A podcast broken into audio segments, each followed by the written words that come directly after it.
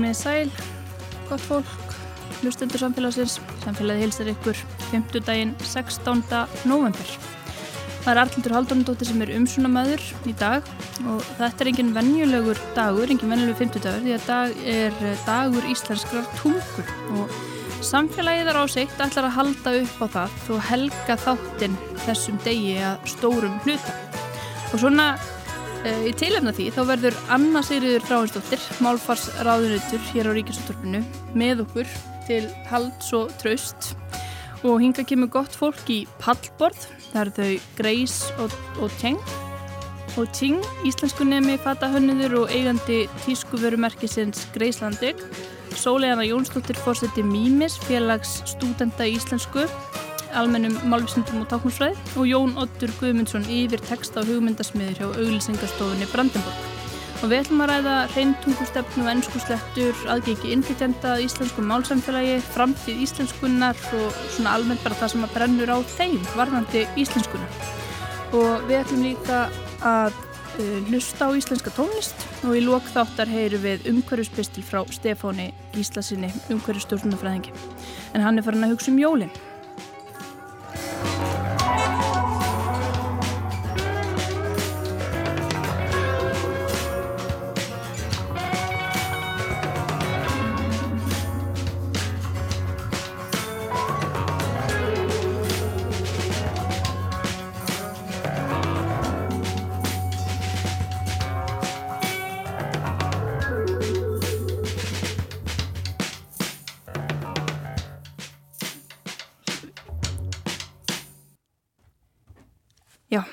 Þá eru þau sest hérna öll, það er þjættsetin bekkurinn í hljóðveri 6 í dag.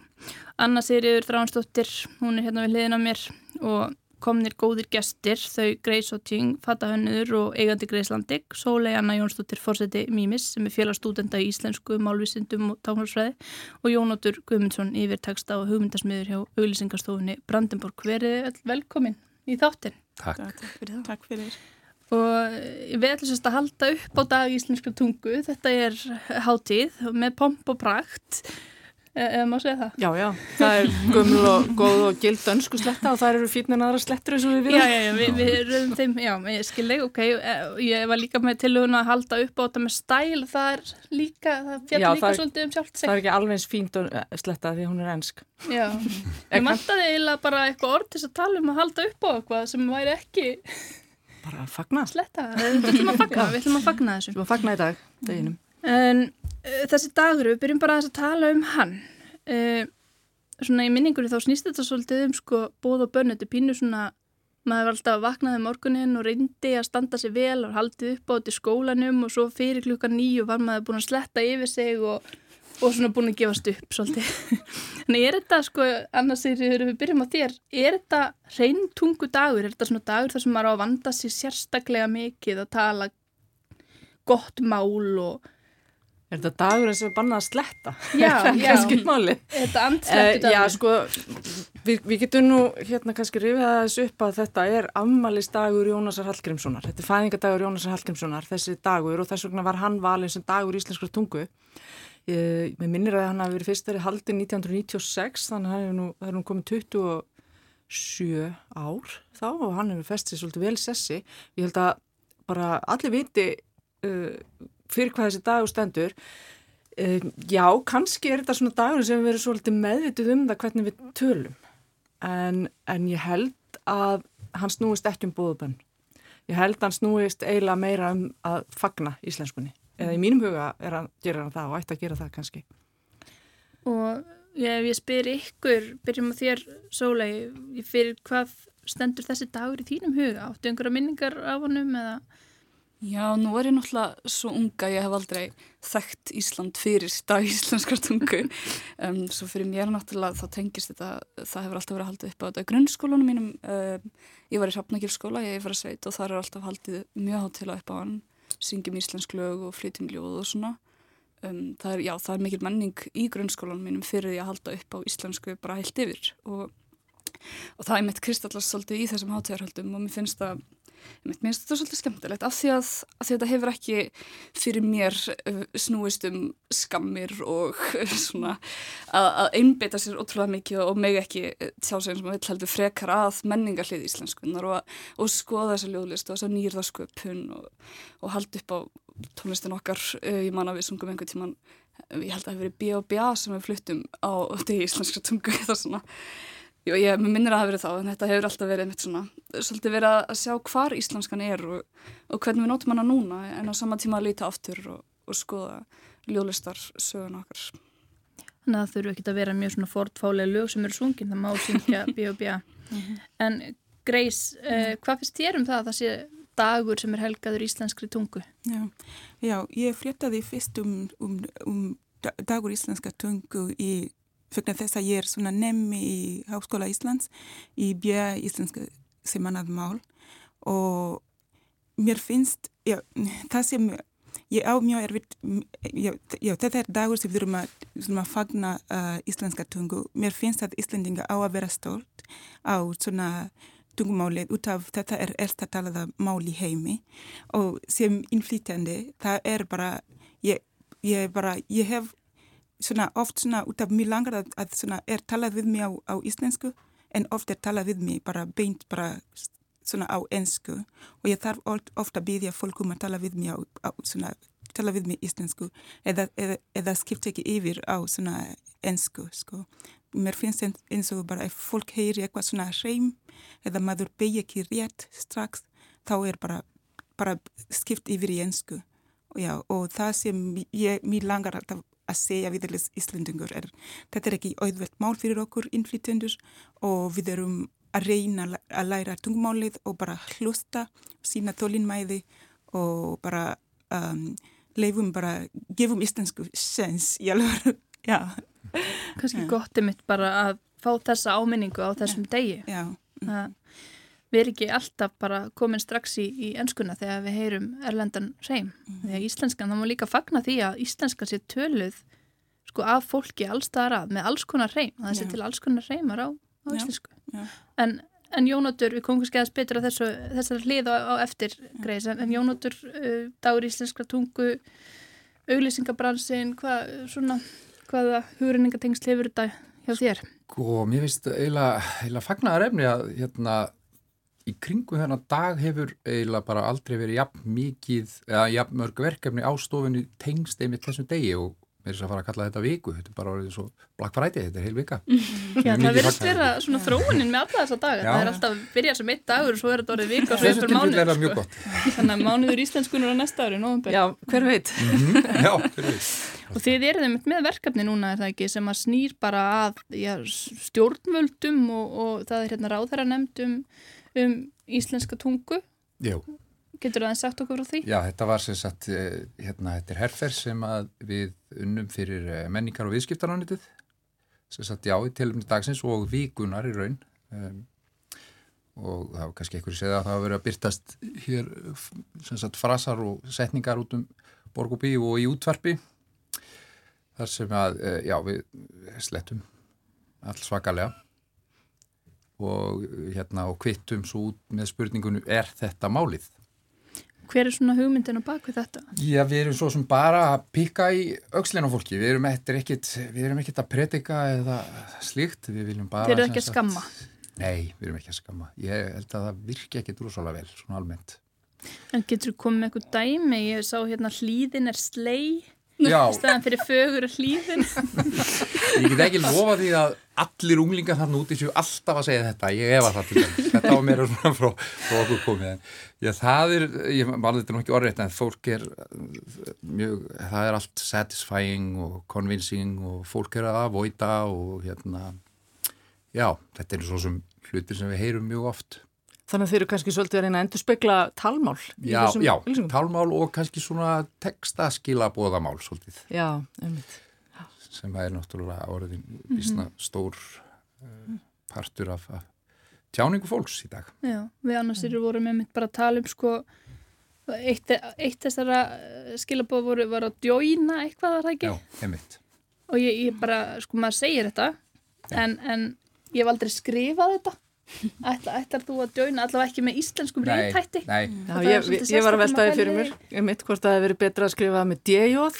það er nefnilega við, líka. við gerðum það og við horfum sumt var alveg bara ofbóðslega skrítið þegar það var Já. skrifað þannig, þannig að þetta er nú eiginlega svona svolítið bara bland í póka hvað það var þar. Já, Já, kannski svona stiks munur og slettum eftir því hvort við erum búin að aðlaða að íslenskum reytætti eða eða eins með þú segir að, að voita eða konvinsa. Þetta er líka eitthvað sem að maður segir kannski en, eða literally.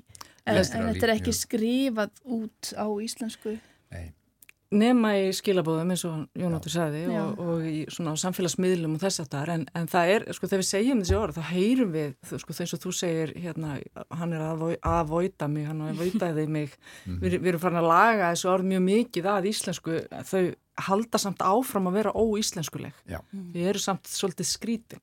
Svo eru sumor sem einhvern veginn bara svona renna inn í íslenskuna og engin eiginlega almennilega, eða er eiginlega allir búin að gleyma því eftir smá tíma að þau sé ekki íslensku uppruna þau basically bara renna inn.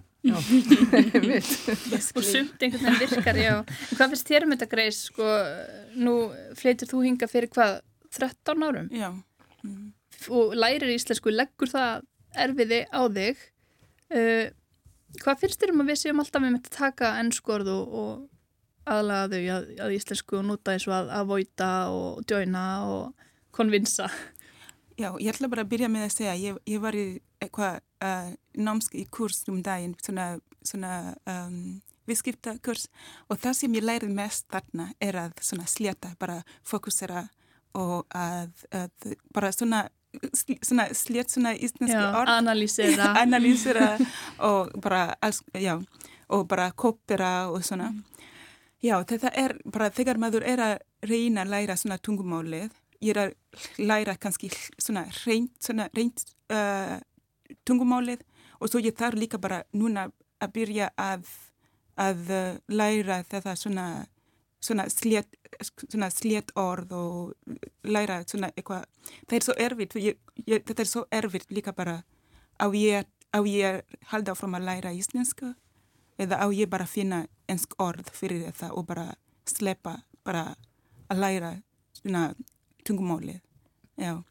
Mér finnst, já, það er, um, já, þetta er svona eitthvað smá svona tricks þarna inni, bara, já, maður er Svona ólík skilabóð Já, kannski. já, það er bara, mér finnst, ég langar ofta að segja að Íslandingar á ákveða hvaða tungumál við viljum tala á Íslandi, sko. Egum við að tala á ensku eða, eða bara, eða íslensku. Út af við sem eru að leggja okkur til sem innflytjum að læra svona tungumálið og það er líka bara oft að heyra að innflytjendur vilja ekki læra svona íslensku. Og það er líka svo, bara á- ensku er svo ábyrrandi í samfélaginu. Það er bara eitthvað, skilabóðin er ekki alveg svona reynd. Alveg Skýr, já. En það er svolítið, svolítið, mér langar svolítið að vita, Greis, að því að þú kemur þá í rauninni, við, við hefum hann málsátt, glögtir gestsauga, að þú kemur að, að íslensku Já, á fullorðis árum já, uh, og ferð að læra hann og ert búin að vera í mörg ára að læra hann og ert núna í háskólanámi. já. Uh, finnst þér íslenska kannski vera einhvers konar hálfgildings blendingsmál? Hún er ekki, það er ekki lengur kannski hægt að tala um að íslenska sé sama íslenskan og hann var fyrir nokkrum árum heldur síðan orðin einhvers konar blanda af íslensku og ennsku. Svona kreólmál. Já, já sem að við kallum stundum blendingsmál sko. Já, ég held Já. fyrir okkur svona, fyrir mér sem innflytjandir, inn, það, ek, það er ekki þannig fyrir mig. Nei, Já, íslenska er íslenska, já, ekki blanda já. af, mörgum málum. Af því að maður fær þetta stundum á tilfinninguna þegar að svona ég ætli við ákveðnum faggreinum og þess að þar þá er, þá er mjög bland, tungumáli mjög blandað. já, það er bara mjög snúningslegt svona fyrir Já. mig, sko, bara Já. þegar ég, ég, það koma eitthvað svona ensk, svona orð yfir, já, það er, já, það er, já, ég, það er erfitt að útskýra þetta og en maður, út af maður flyttur hingað og það, bara allt er á kolvi. Þú skilur ekki, það er svona, ekki bara tungumálið en samfélagi líka, bara menninga og allt það. Og svo, og svo maður vilja svona vera svona partur af samfélaginu, byrja að læra tungumálið. Og svo, já, það er, það er, er þetta ensku, íslensk ensk, ensku eða, já, það er svo mikið svona, það er svona skilabóð þarna inni sem er alveg svona, skil, sem ég skil ekki, bara ég er snú, snúningslegt fyrir mig sem innflýtjandi. Mm -hmm. Svolítið, þú hefur verið að skoða svolítið bara, hefur áhuga á þessum áhrifum ennskunar að það ekki? Jú. Slettum og af hverju þau eru svona mikil, af hverju finnst fólki svona cool að sletta og, eða svo kannski ámar ekki tala um þetta sem slettur endalista því þetta er náttúrulega líka bara hluta því hvernig við tjáum okkur og hluta málinu en hvað svona Hvað hefur þú verið að skoða og tengt þessu? Sko, ég hef aðalega verið að, að sitja alla fyrirlestra sem ég kemst á. Hvað var að þetta um, þetta er náttúrulega mikið það er mikið verið að skoða þetta náttúrulega hvernig úlingar, sérstaklega börn og úlingar beita ennskunni því að það er fólk svona hefurunni mjög miklar áhugir af því að, að ennskan sé alveg búin að taka yfir börnun okkar. Það, er, það, það er ekki staðan sko, það er alls ekki þannig. Nú hef ég unni með börnum í mörg ár og, og þau vissulega mitt sletta mjög mikið en, en þetta er oft oft er þess að slettur bara alveg eins og þegar við erum að tala þá er þetta ákveðin húmurís, ákveðin tótt þau er ekki að segja þetta sem part af sínu móðurmáli, það er ekki þannig að ennskan sé eitthvað svona eitthvað dýr sem búið að taka klófestu, þú veist, þetta er ekki þetta er ekki eitthvað svona þetta er ekki, þetta er ekki vá eins og stendur sko. Nei, þú gjör um, ekki þannig þegar stundum við tala um þessi leikskóla bötti í dag, þau eru bara hérna þó þið séu með íslensku að móðumáli þá eru þið eigandi heilu samtölin á, á ennsku Já það gerist alveg, það er, ég hef alveg bara séð það með einu augum, það gerist. Um, hins vegar er það þetta er mjög skiljanlegt, ég hef svolítið þú veist, málið er að sérlægi í, í grunnskólum og svoleiðis, þá, þá upplifa börnin einhvern veginn að íslenskan sé svolítið svona svolítið fræðamálið og ennskan sem er að tengd afþreyingu, þú veist, hún er það sem maður sér ofta á TikTok, maður sér í sjónvarpinu, maður sér á Netflix, í tölvuleikjum sérstaklega sem maður er að spila og svo er mikið að bókum sem hafa reynilega ekki verið þýttar á íslensku, ég, ég sé það mikið með litlusysteminu og hún er rosa mikið að lesa ennsku, það er reynilega bara, er ekki búið að þýða og það þýðir ekki, þetta, þetta er ekki þýtt ná rætt fyrir hún, hún bara komast í gegnum þetta og þá hún bara í ennskuna í staðinu svona, mm. þannig að þetta er ég held að það sé eina ástæðan fyrir að ennskan byrtist svolítið í, í hlutverkjalekum og svona hjá börnum er bara að þetta er það sem þau sjá í, í aðþreyingunni sinni sko.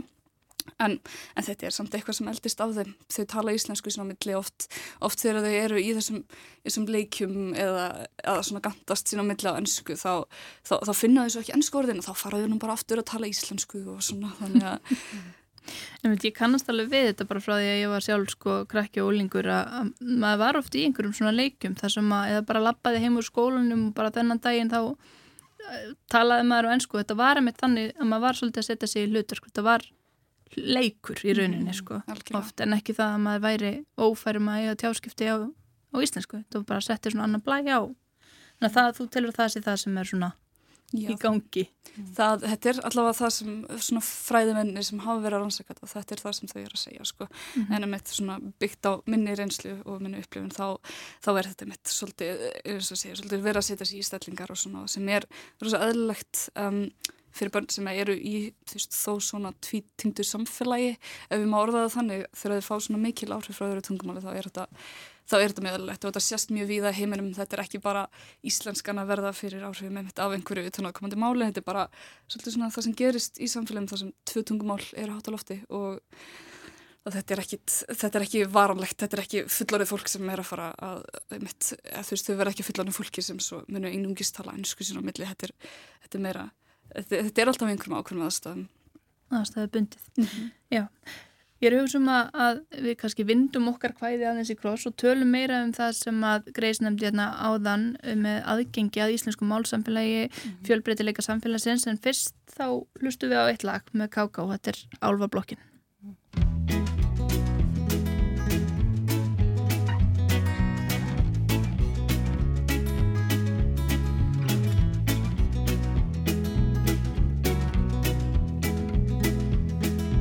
Álva blokkinu bjó, lítið stúlk og mjó, hún átti sér draum söðu við sjó, þar álva drengurinn bjó.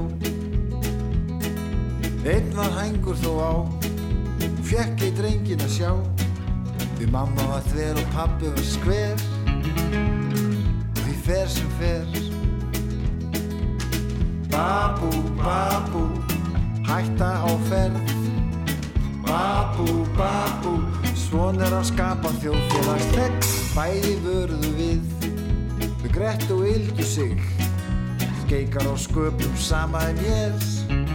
Og hún skellt á eftir sér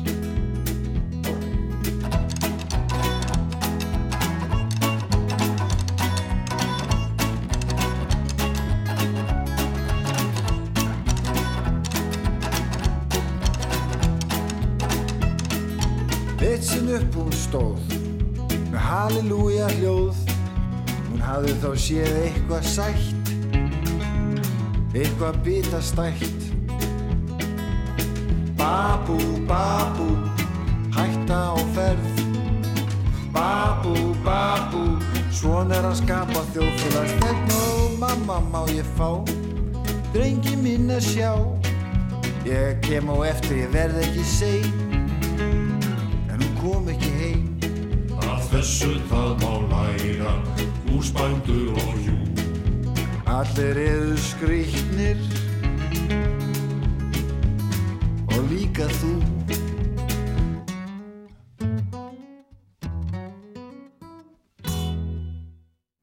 Já, þetta var KK og Álfablokkin en við erum hér enn að ræða íslenskuna og ímislegt sem að snýr að henni það eru uh, þau Greis og Tjeng fatahönnur og eigandi Greis Landik tísku vermerkisins uh, Sóleana Jónsdóttir fórseti Mímis félags stúdenda í íslensku málusindum og tákmálsræði og Jón Ottur Guðmundsson yfirtekst á hugmyndasmiður hjá Brandenburg auðlýsingarstofu og svo er hún hérna gesta um svona maður Anna Sigriður Dráinsdóttir uh, málfarsráðunautur Rúf uh, en ég ætla að þess að ræða um það að, að á Íslandi þá býr núna fólk með örgulega hátt í 200 móðumál, það er fólk allstaðar að uh, sem er sest hérna að eða dvelur tímabundi til þess að vinna eða gera eitthvað og það hefur sínt sig að það þarf að bæta möguleika allra til þess að læra íslensku og svona fá betri aðgang að tungumálinu því að eins og staðan er þá er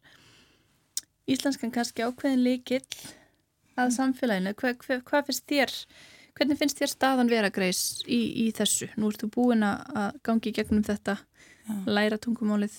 Já. Hvernig var, hvernig var svona, hvernig voru tækifærin til þess? Tækifæri til, að, til þess að læra, svona, já, mér finnst að tungumálið er líkillin að samfélaginu og líka í vinnumarkaðinum. Og oft þegar maður er að leita að svona, svona vinnu eða svoleiðis, það er oft sagt bara að maður tal, talar ekki nógu góð íslensku og maður fæ ekki svona tækifæri til að starfa með sitt svona, hæ, svona uh, hæfni. En já, um, Núna hefur, hefur Erlend ríkisborgarum á Íslandi fjölgað svona úr 10.000 í 65 á réttum 20 árum og líka bara rannsókn á vinnumarkaði sem kynnt var á jafnrættistingi árið 2022 uh, sínir að 20% af vinnuafs á Íslandi af erlendum, er af erlendum uppruna Mm. en, en um, það er bara ein, einungis 1% sem er í svona í, er í svona eru í svona störf sem er svona, samkepp, svona samkeppnishæfari svona störf.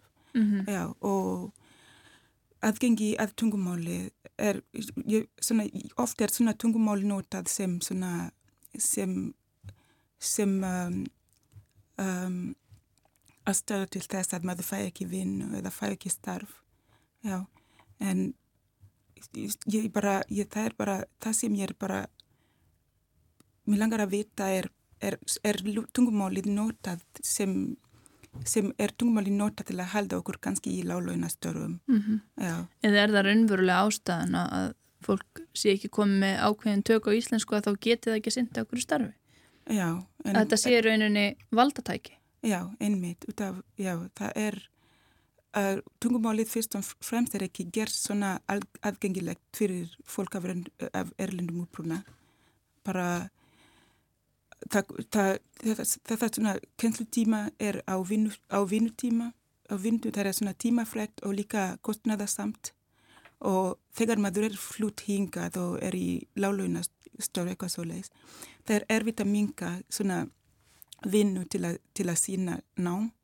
Og það er líka um, já, það, ég tel bara að það á að vera einhverja svona svenleika svenleiki já, svona vinnuveitendur og líka samfélagi hafa taka þátt í að alla svona innflytendur með því að skiptir ekki svona yfir í svona í ensku um, út af þegar er svona skortur af svona þegar svona skortur af tungumálinu þá er bara hægt með hlutum á borð um, eins og mismunum og útilokun á ymsu vegi á vinnumarkaði ekki bara, bara að inflytendur séu ekki ráðnir eða sé haldið í láleinastorum heldur njóti þeir uh, heldur ekki sömu tekifæra uh, í, störf, í störfunum. Og já, það er bara það á að gera eitthvað svona í gegnum svona varnaði tungumál til að hafa það algengilegt svona fyrir, fyrir um, innflytjendur. Svo þeir líka, þeir líka að hafi svona aðgang á mikilvægum upplýsingum og líka fæ svona upplýstir um réttindi sinn og, og sé ekki haldin utan við ákvörðartöku og einangraðir svona félagslega á vinnustadnum. Mm -hmm. Og er langt í land með þetta? Er, er mikið sem þarf að gera til þess að ástandi verði ásættanlegt í lægi? Já, mér finnst það að það á að vera ef svona, ef varvitsla íslensku, svona íslenskra tungu skiptir, skiptir svona íslendingar svona máli, þá er komin tími að svona fleiri en vinnuveitendur og samfélagið fjárfesti í málinu. Uh, ég tel að íslensk svona yfirvörð þurfa einnig að koma þar að eins og í öðrum norræn, norrænum löndum og búa til svona innleiðingar svona áætlun eða innleiðingar svona stefnu um, sem inniheldur tungumálakenslu í samræmi við hæfni og mentun sem nýtist á atvinnumarkaði. Ég hef líka heyrt að, ég hef heyrt uh, oft sagt að það þarf svona fá betri svona innflytjendur til, til Ísland út af innflytjenda sem er hér eru ekki mentað þetta er bara langt frá sannleikunum. Það er innflytjendur hér sem er velmentaðar en er haldið niður með einhverja svona úreldum styrjótypum og já, brennimerk með einhver svona já, úreldum styrjótypum en það þarf ekki að leita að, að, að, mannúið svona erlendist frá. Út af þegar er, þetta fólk eru, eru, eru ef það er að koma fólk bara svona mentað fólk bara eitthvað, ég veit ekki hvað það þýðir uh, þetta fólk talar einsku þetta fólk er bara koma kannski einhver eitthvað svona ákveðin ákveðin svona tíma til að starfa á, á Íslandi og svo fara aftur já, erlendis sérfræðingar það hjálpar ekki neitt að fólki tala íslensku á vinnumarkaði já, bara það sem ég var að segja þegar ég byrjaði þér þið Íslandingar á að ákveða hvaða tungumál þið vilji að við tölum hér á Íslandi eiga að, að þjálfa innflytenda sem er hér uh, sem koma hinga til sem er komnir hinga til að búa hingað í íslensku bara í samræmi við þeirra svona mentun og, og hæfni til að epla samfélaginu. Eða viljið þið að fá ykkar fólk sem, sem þið telið eru besta svona innflytjendur sem að tala þá ennsku sem tala það ennsku eru kannski með dótturskráðu í einhverju. Já. Mm -hmm. en sko, nú hafa stjórnuldi eitthvað verið að hugsa um þetta. Það var þarna sett að fót þessi ráðherra nefnd um íslenska tungu og ég las svona yfir, það var þingsáluftinu til og þar voru margar aðgerðir sem að lutu um þetta að því að reyna að bæta þetta. Þetta er, það þarf að ebla aðgengi að íslensku menturinni Uh, hún þarf að vera allstaðar í bóði því að fólk kemur hérna oft að vinna í ferðarþjónustu, er allstaðar mm. út um all land og, og svo það bara bæta gæðin eða ekki, en þú hefur kannski eitthvað skoðað þessa stefnu. Ég var aðeins skoðað það og ég, það er held ég mjög margt gott, gott í henni og það er mikil áhersla einmitt á að ebla íslensku kjænslu og ég held að einmitt að þurfum að ebla hana út um all land mm. og gera fólki kleift að sætja íslensku kjænslu á vinnutíma mm. og gera vinnuveitendum kleift að leifa fólki að sætja uh, læra íslensku á vinnutíma. Uh, það sem ég held að stjórnmjöld þurfi að gera, mín skoðun sem sagt, til þess að þessi áallin verði ekki bara falli, eða þingsáleiktum verði ekki bara falli orða bladi, er að, að þetta verði alveru áallin mm. og það þarf bara að setja peningi í þetta. Það þarf að, það þetta þarf að vera, gert, ekki enn sem komið er, mm. en, en þetta er heldur ekki búið að samþykja held ég álugtunina. Mm. En það sem að ég sé fyrir mér að yrði árangusríkt væri að búa til áætlun sem væri sambærilega við máltækni áætlun. Það sem var bara búið til langtíma plan, langtíma áætlun, eirnamert fjö, það, voru, það voru sjóðir, það voru styrkir, það var nýsköpun, mjög margt sem að var gert sem að hefur fleitt okkur mjög langt í máltækni og ég held að það sem alveg nöðsilegt til þess að þetta geti orða veruleika að það þurfa að gera eitthvað sambærilegt í, í mm -hmm. í, þessar, í, tengslu við þessar stingsalíktuna til við. Já, og svo eins og, eins og Greis var að segja þá snýr þetta náttúrulega ekki bara að, að ylblitendum og fólki sem kemur yngi og vil læra íslensku og vera hluti af samfélaginu, málsamfélaginu heldur snýr þetta líka þeim sem hafa íslensku sem móðumál og, og eru kannski bara svolítið mikið að hampa ennskunni, eru uh, að ætlast til þess að, að fólk sem kemur yngi að sé um þetta að fara heim eftir langan vinnudag og, og mm. taka stræt á íslensku námskeið og vera þar fram á kvöld og og borga fyrir það sjálf og borga fyrir það sjálf ja. og, og er svo alltaf að svissa yfir í ennsku þegar það vil æfa sig í búðinni eða, eða, eða hva, sundi eða hvað sem er sko. þannig hvernig svona snýður þetta ykkur ef við byrjum á þér Jónatur sko, finnst þér þú lendið að svissa yfir í ennskuna þegar þú ert að tala við fólk sem er að læra íslensku og er að þjálfa sig í þessu? Kannski minna, maður er kannski orðin svona talsveit meðvitað um þetta. Það er farin að, að vera svona en hann alltaf byrjar alltaf á því að tala íslensku og ef fólk vill svissa þá er það náttúrulega auðsótmál en, en hérna, jú, jú, auðvitað kom alltaf svona augnablík þess að maður þarf að stoppa sig af og, og, og vanda sig. Þetta snýst svo mikið um að vanda sig. Uh, Hefur þú svona einhverjar tilhugur eða einhverju sína á það hvernig mætti í rauninni uh, bæta í rauninni íslensku kjænslu og, og, og ísl, já, bæta aðgengið í rauninni minga aðgengis hindranir að, að íslensku málsamfélagi Nei, í rauninni ekki ég ekki nema bara að þetta þólir held ég ekkert mikla byggð sko það þarf eiginlega bara að fara að drífa í þessu því að samfélagið breytir svo rætt mm, að það þarf að grípa inn í Mm -hmm. og við myndum að ákveða á mm -hmm. til dæmis Já. á vinnustöðum og í aðtunulífun að tala íslensku og ennsku það Já. eru náttúrulega margir vinnustöðin og þegar þar sem er bara ennskan er aðal málið mm. eh, Sólei, hvernig stýr þessi umræða þér?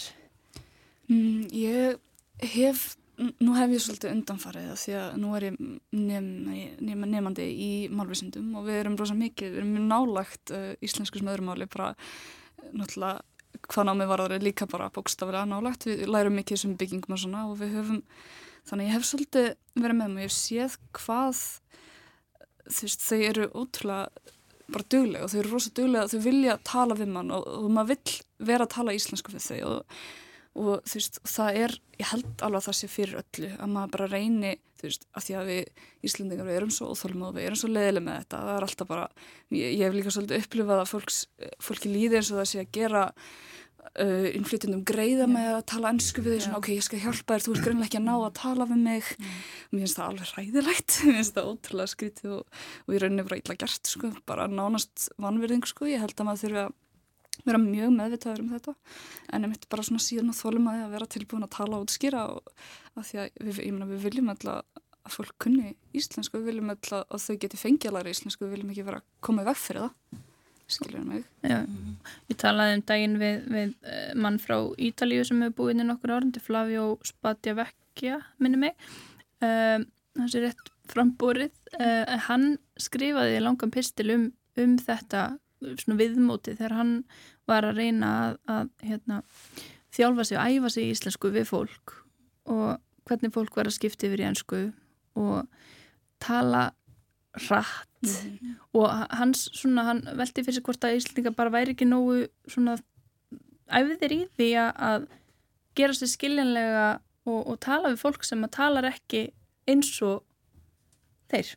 Já, algjörlega, ég hugsa stundum um þetta sko, það er náttúrulega, við erum svo ótrúlega vöndi að, að við tölum all nánast eins íslensku, við þurfum aldrei að pæla í því að skilja hvað er að segja kringum okkur, við þurfum aldrei að pæla hvort þau skilja okkur, þannig að ég held að þetta kom svolítið flatt upp á fólk stundum að, að þurfa að einbita sér að því að tala skýrt og tala hægt og með ekki bara láta svolítið, láta bara, láta það vaða bara bladra, bladra, bladra og þurfi ekki pæliði, skilur við ég held Svona algjörlega ákveðna stellingar sem fólk þarf að setja sig í. Já, algjörlega og ég held að sé alveg óvandi en þetta er einmitt bara eitthvað sem við þurfum svolítið að- að vera meðvitið um sjálf að, að gera okkur skiljanleg og, og að vera, þú veist, að geta gert það bara að, að maður fari ekki bara að haugta og, og svona Finnst þetta óla vandræðalegt. Það er Já. kannski þar, þarf bara, hérna stjórnvöldur og kannski bara að redda námskeiði.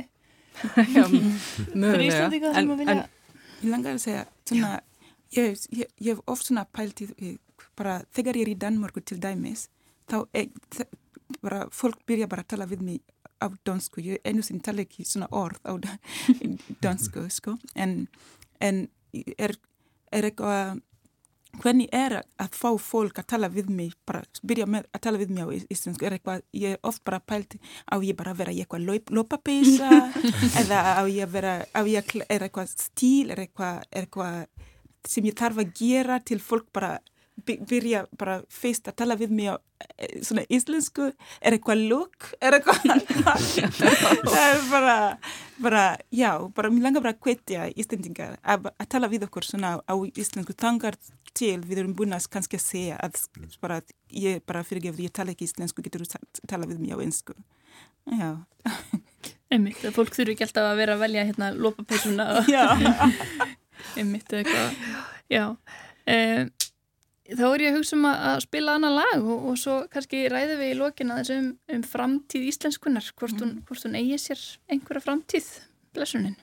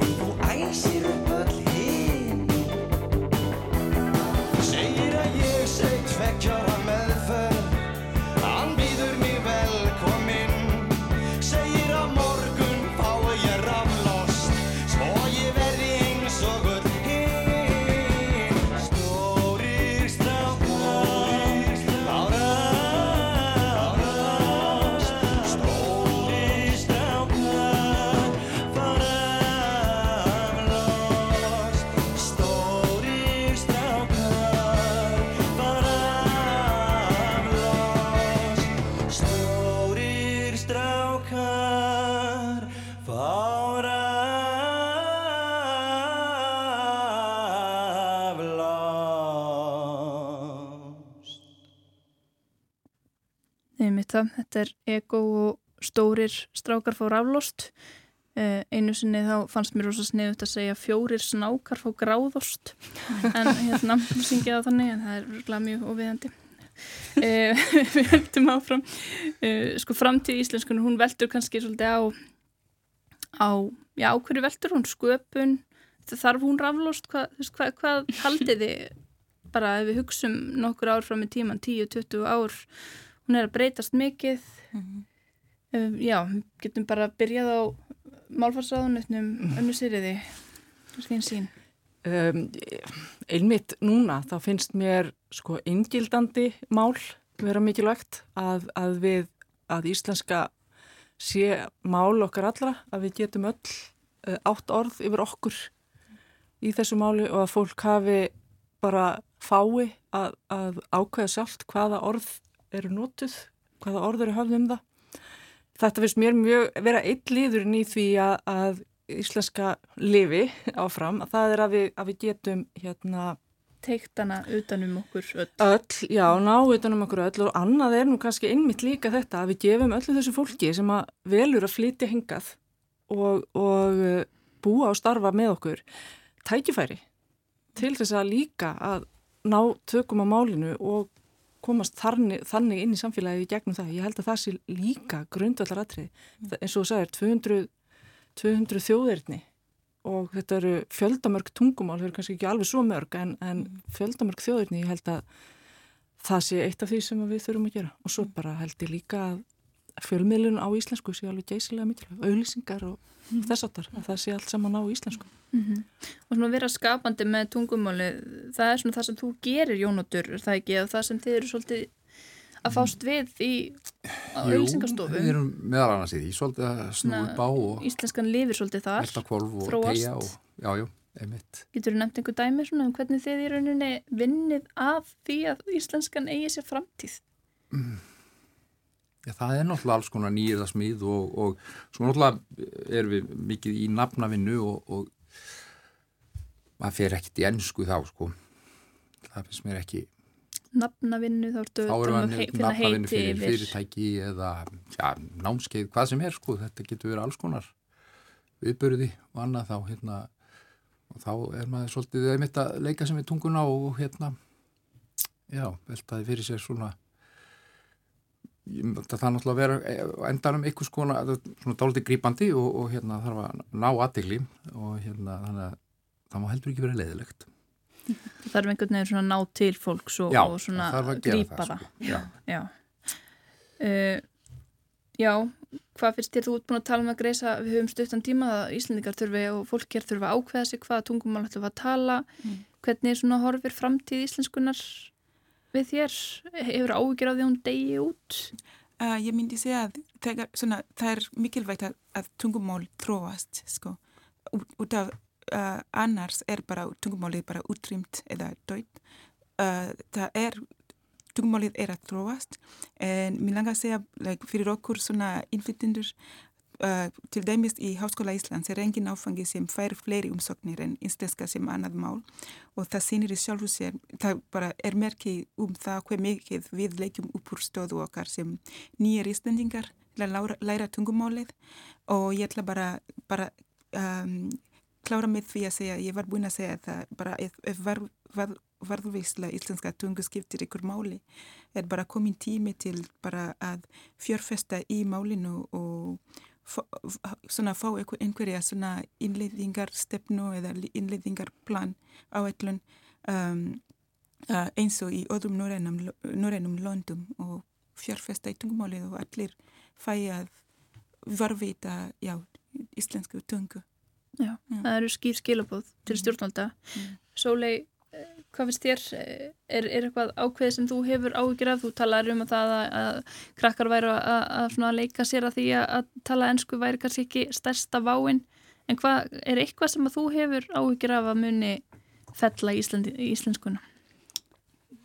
Ekki, sko, ekki þannig. Eða, það gæti náttúrulega alltaf verið. En ég, ég er rosa bjart sín, sko. Ég held að, að því að við erum búin að vera, það er búin að vera svo miklar umræður í gangi um að varfið til íslenskuna halda henni við. En líka mitt svolítið þetta að vera ekki stanslust að sitja út á hann og vera gaggruna. Því ég held að, að þú veist, bartinn sé svolítið tapað þegar við erum farin að farin að ákveða, við hefum ekki að tala íslensku svona, við erum að tala eins og við tölu fyrir 50 árum eða 100 árum eða eitthvað Við erum bara spennitreyju hérna og fórum ekki opna munnin. af því að hérna, þú veist, ég upplifði fyrir svona tíu árum kannski að mikið að listasköpun okkar væri kannski svolítið farin á ennsku, þú veist, að, að íslenski söngar var mikið farin að syngja á ennsku, mér fannst það ótrúlega leiðilegt, sko, en núna með hef ég séð bara, bara mjög mikið af fræðistu listamannum Íslands eru, þú veist, þau eru að syngja á íslensku, þau eru að skrifa á íslensku, þau eru að flytja, þú veist, ljóð og, og semja leikrit og íslenskan er svolítið mér finnst hún svolítið vera, það, þetta var ekki viljins bakslæg, mér finnst hún samt vera að koma rosa stert inn núna og mér finnst, mér finnst gott eins og hann hérna Eiríkur Röggvaldsson hefur mikið talað um þú veist að, að, að leifa íslenskun að vera eins og hún er og í stiði undir hana í staðan fyrir að vera að mitt, alltaf að skammast í hvernig við erum að nota hana svona því að hún við verðum að fá að leifin að þróast ef hún á að vera til. Þannig að ég held bara svo lengi sem við pössum að hún sé hátt upp eins og ég er svo glöð það eru svo margir áhrifavaldar á TikTok sem eru farin að gera efna á íslensku. Og þó að mm. þú veist, kannski ekki öll þú veist, þau er mjög marg með það og falla sneið og svona en þú veist, það er bara mér finnst það bara allt í læg, mér finnst það engin fórnarkostnaður ef að, ef að, ef að það er það sem þarf til þess að börnum okkar fái íslensku í lag meira. Þannig að mér finnst bara, ég er mjög bjart sín sko rosa bjart sín Það er bara þessi sköpun og, og einmitt, þessi, þessi gleði sem að þarf, þarf að viðhalda henni. Mm. Algjörlega, það er alveg Já, ég sem bara sá þarna einmitt skrekk um dag, ég var svo gladur með þessi þessa viðkenningu, íslensku viðkenningu mm. þar, ég fannst það frábært þetta, þú veist, þau töluð alls konar og slettu og sung og ennsku jafnvel, og, mm. en þú veist, þau voru alveg að vanda sig að tala íslensku og köplum og mér finnst það bara frábært og, og bara einmitt, svo mikilvægt líka að vera jákvæður, við erum ekki að skama heldur. Já, algjörlega, þú veist, við meðum ekki Já, við meðum ekki á hvaða úlingamál sé Akkurat. það versta í heima þetta er eins og, eins og ég sagði á þetta er ekki varanleg stað á íslenskunni, þetta er bara börn og úlingar að vera börn og úlingar og, og þau eru að standa sér ótrúlega vel Já. Já. Og talandi um, ef ég má skjóta hérna að talandi um listafólk sem að, sem að yrkir og semur og syngur á íslensku sko, það er hérna, við erum með lagalista hérna, er á Rúf inn á Spotify sem heitir lög í íslenskar tungu hann er uppfærður mm. alltaf á degi íslenskar tungu árkvert og á þessu lista sem er nýkominn í loftið eru 92 lög sem öll eru frá því, frá, hafa komið út frá degi íslenskar tungu í fyrra og þanga til í dag, 92 lög sem eru sungin á íslensku. Og þetta er, það er bara eitt lag með hverju flytjanda held ég sko, þannig að þetta eru hérna, fjölda mörg lög og bara brot af úrvalinu. Hver hlustendur til að kynna sér þennan lista? Já, gerum það og bara og þetta er eina mörgum staðfestingu þess að Íslands, íslenskan lifir hún lifir. Uh, en bara takk kærlega öll fyrir að koma í samfélagið, Greis og Ting Fatahönnur og íslensku nemi Sólegjana Jónsdóttir fórseti Mímis, félagsnefenda í íslensku og Jónóttur Guðmundsson yfirtesta smiður hjá Brandenburg. Takk. Og takk Anna Sýrið Þránsdóttir, smálfarsraðunitur fyrir að gerast hérna gesta um svona maður á þessum degi. Ja. Takk fyrir. Takk.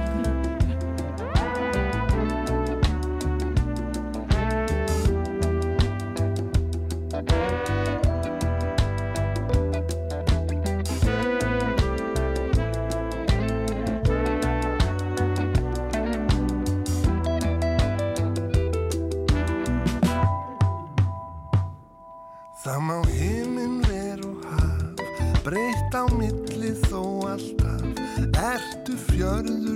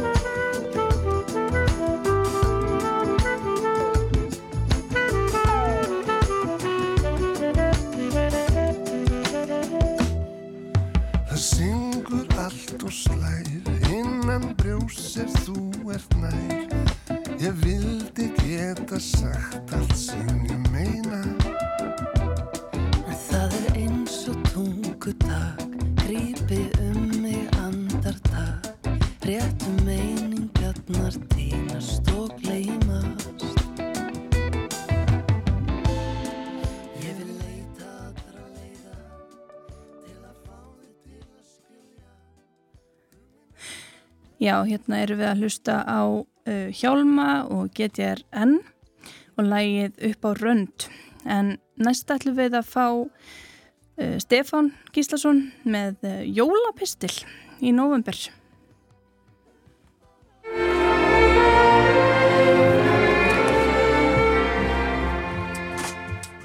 Nú er november rétt rúmlega hálnaður og þá er einmitt komin tíma á jólapistil eða öllu heldur fyrir fyrir jólapistil því að það er á sent að skipilegja jólinn daginn áður en þau bregst á.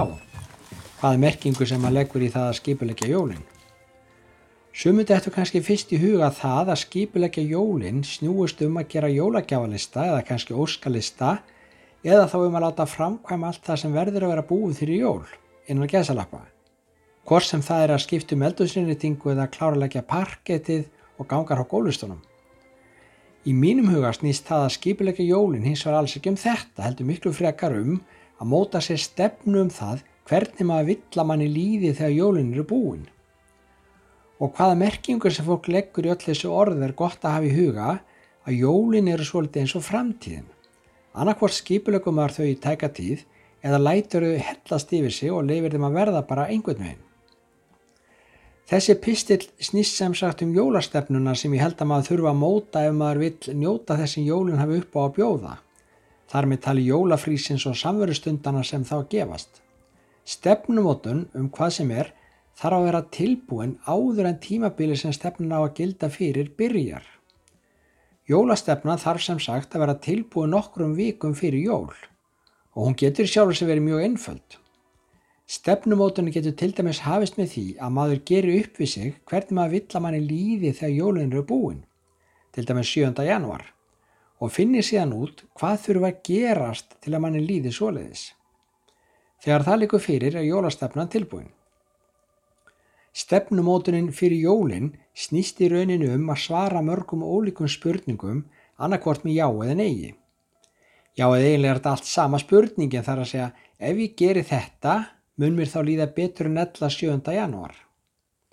Mun mér til dæmis líða betur 7. januar ef ég verð búin að skipta um eldursinnitingu, leggja parkett og ganga frá gólustum eða mun mér kannski líða betur ef ég læta bara býða þanga til setna og verði í staðin minna þreytur 7. januar og minna skuldur. Og mun mér líða vel ef ég eigði meiri peningum í efnislegar jólagjafir en nokkru sinni fyrr eða mun mér kannski líða betur ef ég gef ekkert nema upplifanir á framlög til líknarfélaga.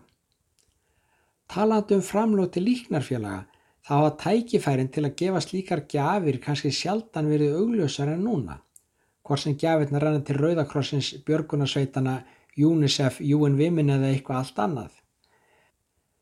Því að kannski hefur þörfin fyrir starfið sem öll þessi félög vinna sjaldan verið raunverulegri eða nær okkur sem flest lifum óneitanlega í einhvers konar sérrittinda heimi.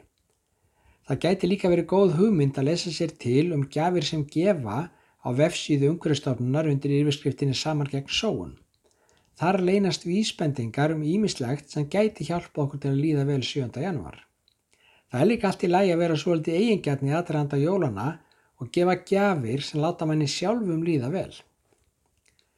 Stefnumótun að vinna krefst ákveðnar yfirvegunar og ef til vitið svolítið erfitt að vera yfirvegaður þegar ámanni dinja tilbóðum að kaupa alls konar dót fyrir minni peninga en okkur sinni fyrr.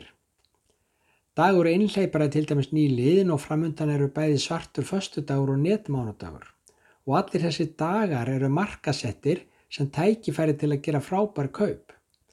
Reyndar hafa rannsóknar sínt að vöruverðir ekkit endilega lægra þessa daga en marga aðra daga og í þeim efnu gildir almennt svo regla að ef eitthvað er of gott til að vera satt, þá er það líklega ekki satt. Svo er líka snjált að hefa í huga að jafnvel þótt maður geti spara 40% með því að kaupa ykkur hlut einmitt núna, þá hefur maður alltaf þann valkost að spara 100% með því að kaupa hann ekki. Og lítur ekki 100% afsláttur að vera betur en 40%. Og einstaklega hagstæðum kaupum einhverjum hlut fylgir oft svo hætta að aðri mun óhagstæðri slæðist með.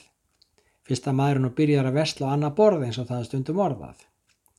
Til að forðast þetta er gott að fylgja þeirri reglu að kaupa aldrei neitt af því að maður sá það í búðinni og fannst það svo sniðugt. Oft er gott að láta eina nótt líða og kaupa hlutin þá, ef maður langar enn þá í hann. Svo getur líka verið snjált að velja vörur í netversluna kvöldi, setja þær í körfuna, fara að sofa og kíkja svo aftur á körfuna morgun eftir og henda þá öllu úrenni sem hann vantar ekki. Þetta er það sem að stundum er kallað að kaupa og sleppa með vísin í sportveðar. Kanski eru innkaup líka einhvers konar veiðiskapur og kannski spenningurinn sem fylgir veiðinni stundum meira atrið en veiðin sjálf. Ef maður vill til viðbótar við aðra velliðan vakna upp á morgunni 7. janúar með þokkalega góða samvinsku gagvart umhverfinu og komandi kynsluðum þá var snjált að bæta nokkrum fleiri atriðum inn í jólastefnuna. Þetta snýst nefnilega ekki bara um það hvort maður kaupi eitthvað fyrir jólinn heldur líka um það hvað maður kaupir. Til að nefna eitthvað gæti jólastefnan til dæmis innihaldið eftirtaldar þrjár grunnreglur. Fyrsta, kaupa bara svansvottu kerti. Þau eru nefnilega stearíni sem eru inn úr tilfallandi júrta á dýralefum, auk þess að vera nokkur með einn laus við sótmengun og annað álíka vesin. Flest önnu kertir og parafíni sem eru oljafurð ættu úr yðrum jarðar og hver vil kveika í olju inn hjá sér á jólunum? Annað, sleppa öllu glimmeri. Glimmer er nefnilega langa oftast ekkert annað en örlítil plastsnifsi, öðru nefnu örplast eða mikroplast. Við tímanum enda stór hluta því út í náttúrun og verður það kannski næstu 50, 100 eða 1000 ár. Þriðja, gefa upplifun frekar en hluti. Hlutirnir hafa nefnilega í flestum tilvíkun skilið eftir sig miklu stærra spór en upplifanarnar í náttúrunni eða í fjarlægun samfélagum. Til að framlega hlut þarf yfirlega slatt af ólíu, vatni, ráefnum og hjálparefnum og eftir eitt hlut sem rúmast í lofa getur leið full ruslatun af úrgangi eitthvað stær í fjarlægu landi.